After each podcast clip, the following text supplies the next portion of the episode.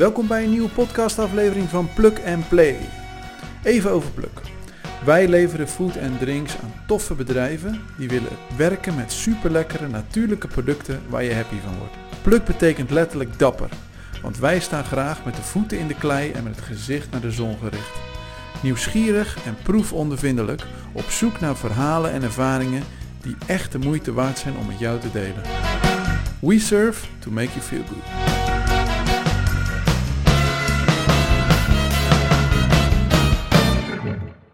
Welkom bij de eerste aflevering van 2023 van Plug Play. We starten het nieuwe jaar met niemand minder dan bekende Nederlander Steven Brunswijk. Bekend van zijn deelname aan Expeditie Robinson, Ranking the Stars, De Slimste Mens, Het Perfecte Plaatje of je zou hem kennen van The Roast van Gordon, die ontzettend grappig was. Of natuurlijk van een van zijn optredens als cabaretier. Wat veel mensen niet weten is dat je ook een gedreven ondernemer bent.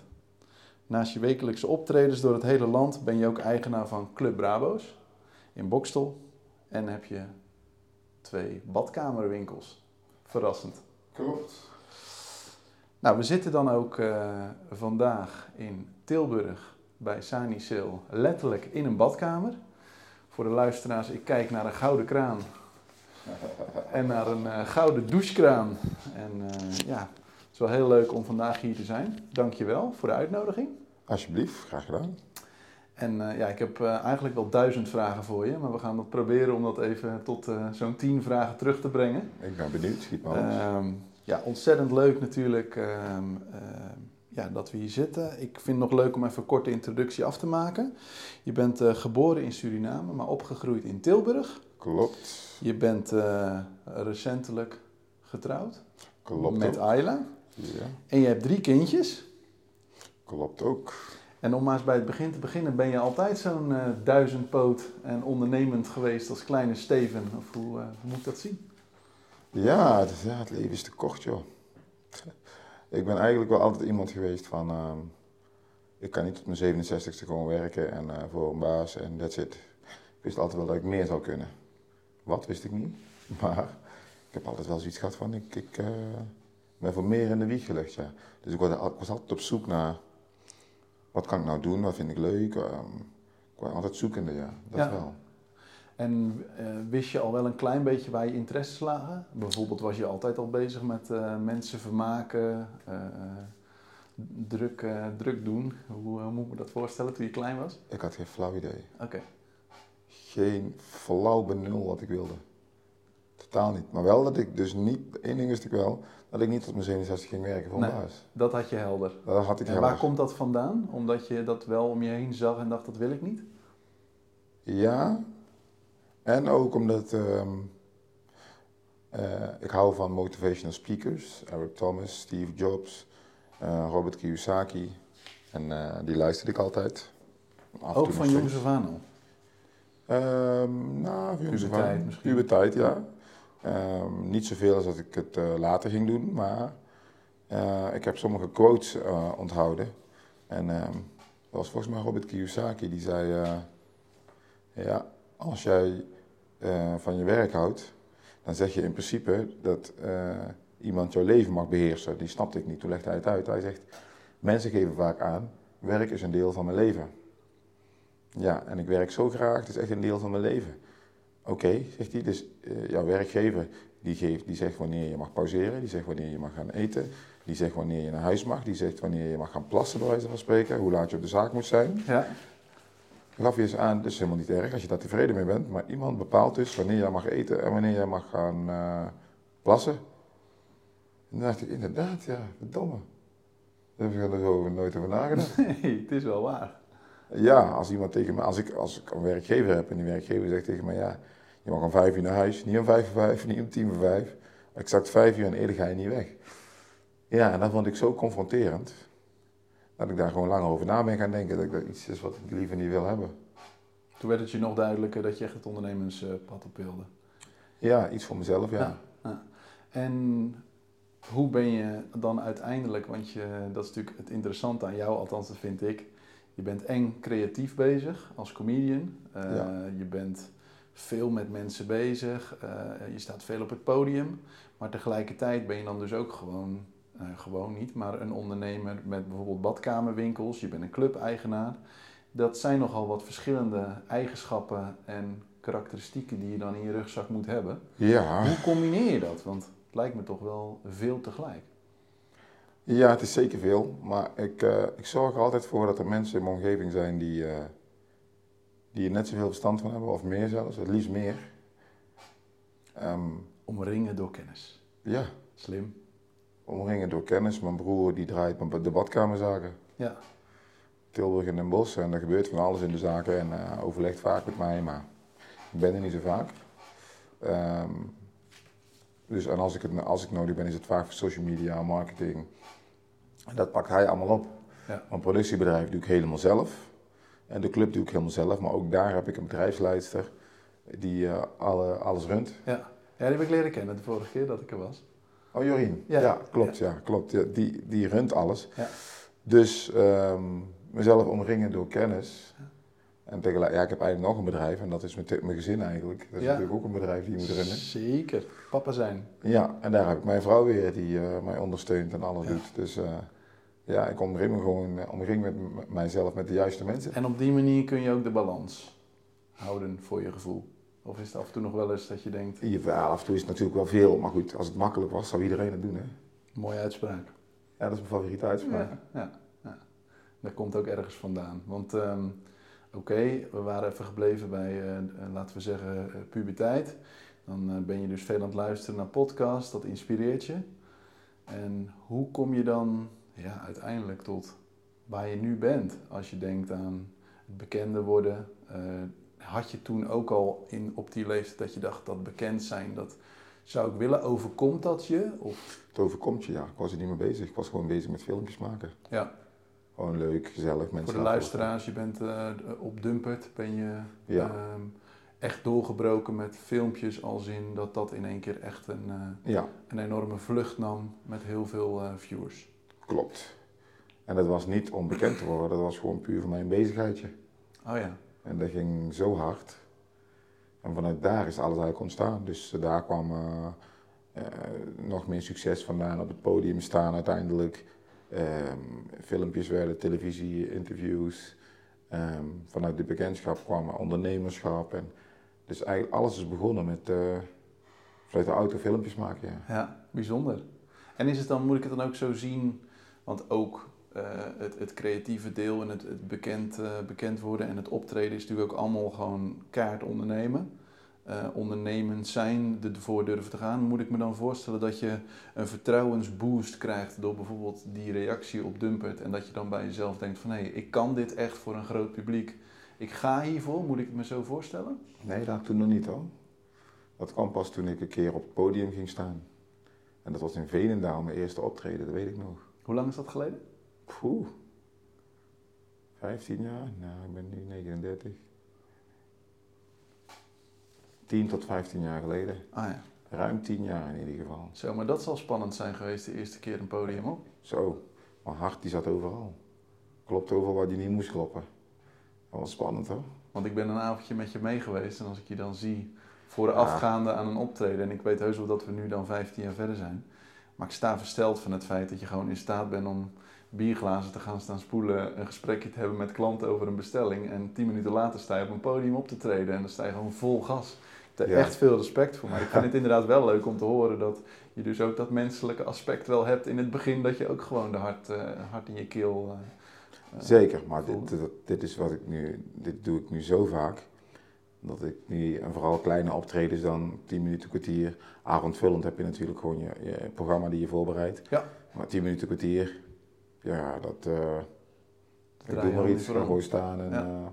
Komt eraan. En is dat, eh, moet ik dat zien dat, je dat, dat dat komt door gewoon veel te doen ook? Je moet uiteraard ook talent hebben. Maar is dat ook hoe het werkt? Gewoon veel doen Ja. en dan word je er vanzelf beter in? ja, de een wordt er sneller beter in dan de ander. Maar het is gewoon veel oefenen. Ja, Op het podium durven staan en grappen durven maken. Nieuwe grappen durven te maken.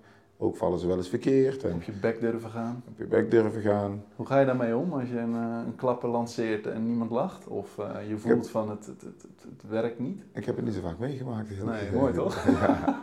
ja, dat is niet om arrogant te klinken, maar Nee. even kijken. Eén keertje in Maastricht.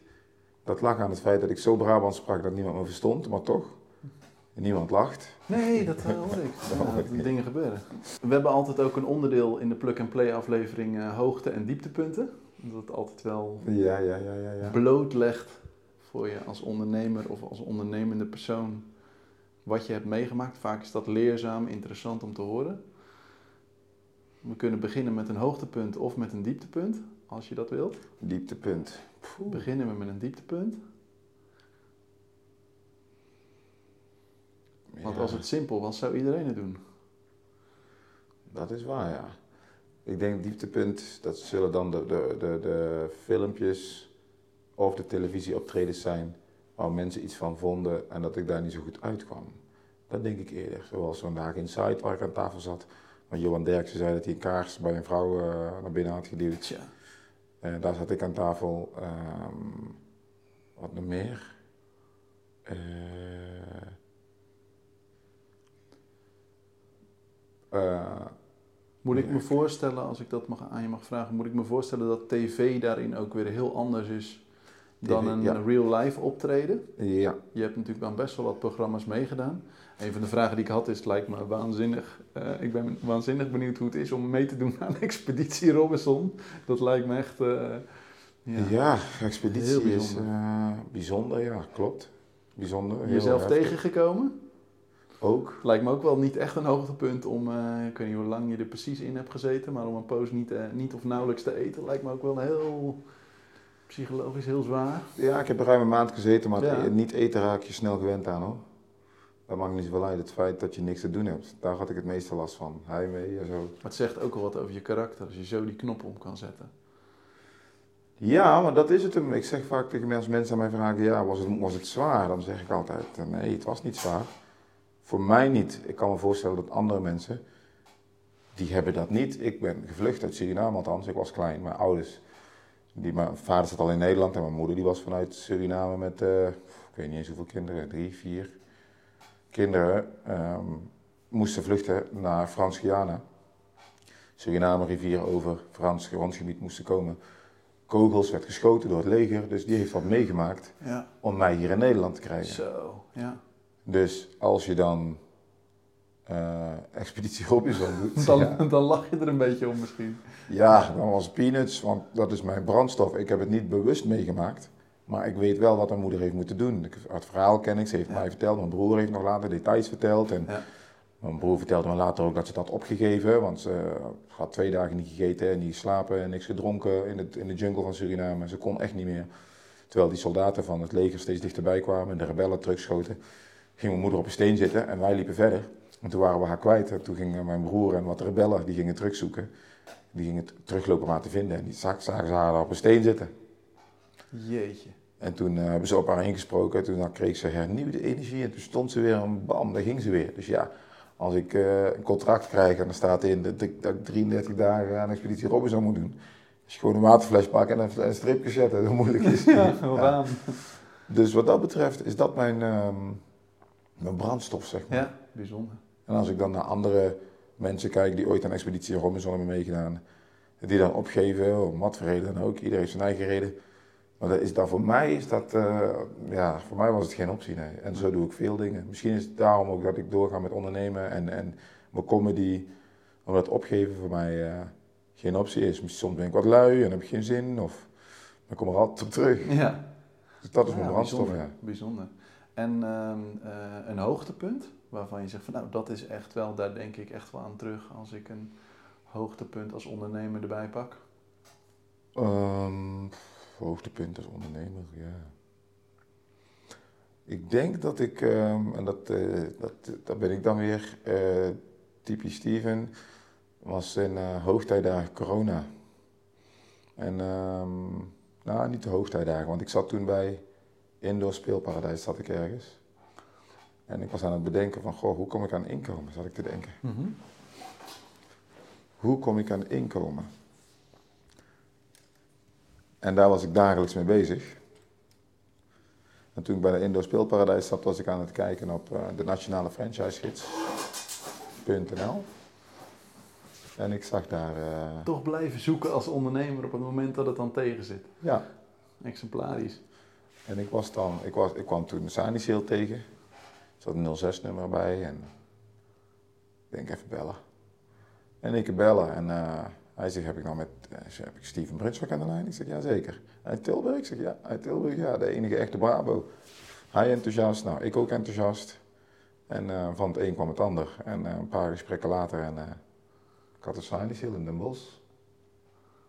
Bijzonder.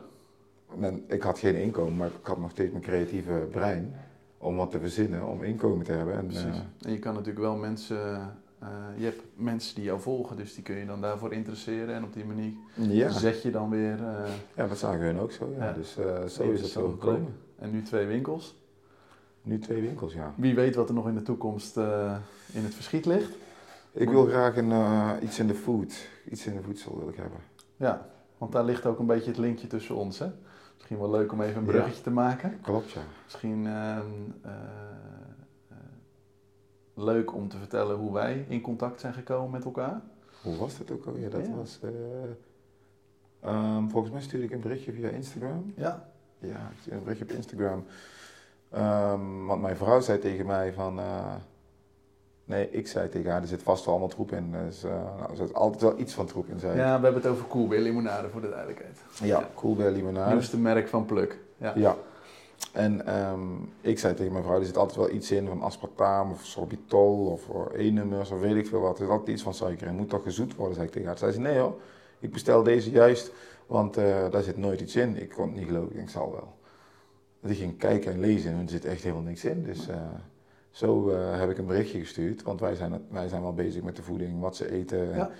Tuurlijk krijgen onze kinderen wel eens wat snoepjes en dat hoort er ook bij, maar um, zo weinig mogelijk. Ja. Um, en limonade, ja, ouders die zullen het herkennen. Die kinderen die, die drinken de hele dag door limonade. Ja. Dus vrij belangrijk wat voor limonade je erin stopt. Ja, precies. Um, en toen heb ik een berichtje gestuurd via Instagram. Uh, ja, of we wat voor elkaar kunnen betekenen of zoiets in die trant volgens ja, mij. klopt. En uh, ja, zo is het balletje Heel leuk. Ja, tof. En dat is ook helemaal in de spirit van Pluk. In contact komen met elkaar, kijken hoe we elkaar verder kunnen helpen. En het leuke, onder andere aan Coolbeer, is natuurlijk dat het ook gewoon echt een goed product is waar we ook de jongere generatie uh, ja, mee helpen. Ik bedoel, het is toch zo dat uh, uh, kinderen niet kiezen om onnatuurlijke zoeting binnen te krijgen. En je ziet daar toch wel dat er ook wetenschappelijk aan getoond wordt dat er best wel wat problemen ontstaan met obesitas of, of bepaalde kindjes die gewoon niet goed reageren op kunstmatige chemische toevoegingen. Dus dan is het natuurlijk heel leuk om, uh, om daar de schouders onder te zetten en te kijken wat, dat we van uh, Coolbeer nog een groter succes kunnen maken. Dus, uh, Zeker. Heel leuk. Nou, tof. En um, ja, ontzettend leuk om ook een inkijkje te krijgen in jouw leven als ondernemer en ook als bekende persoon.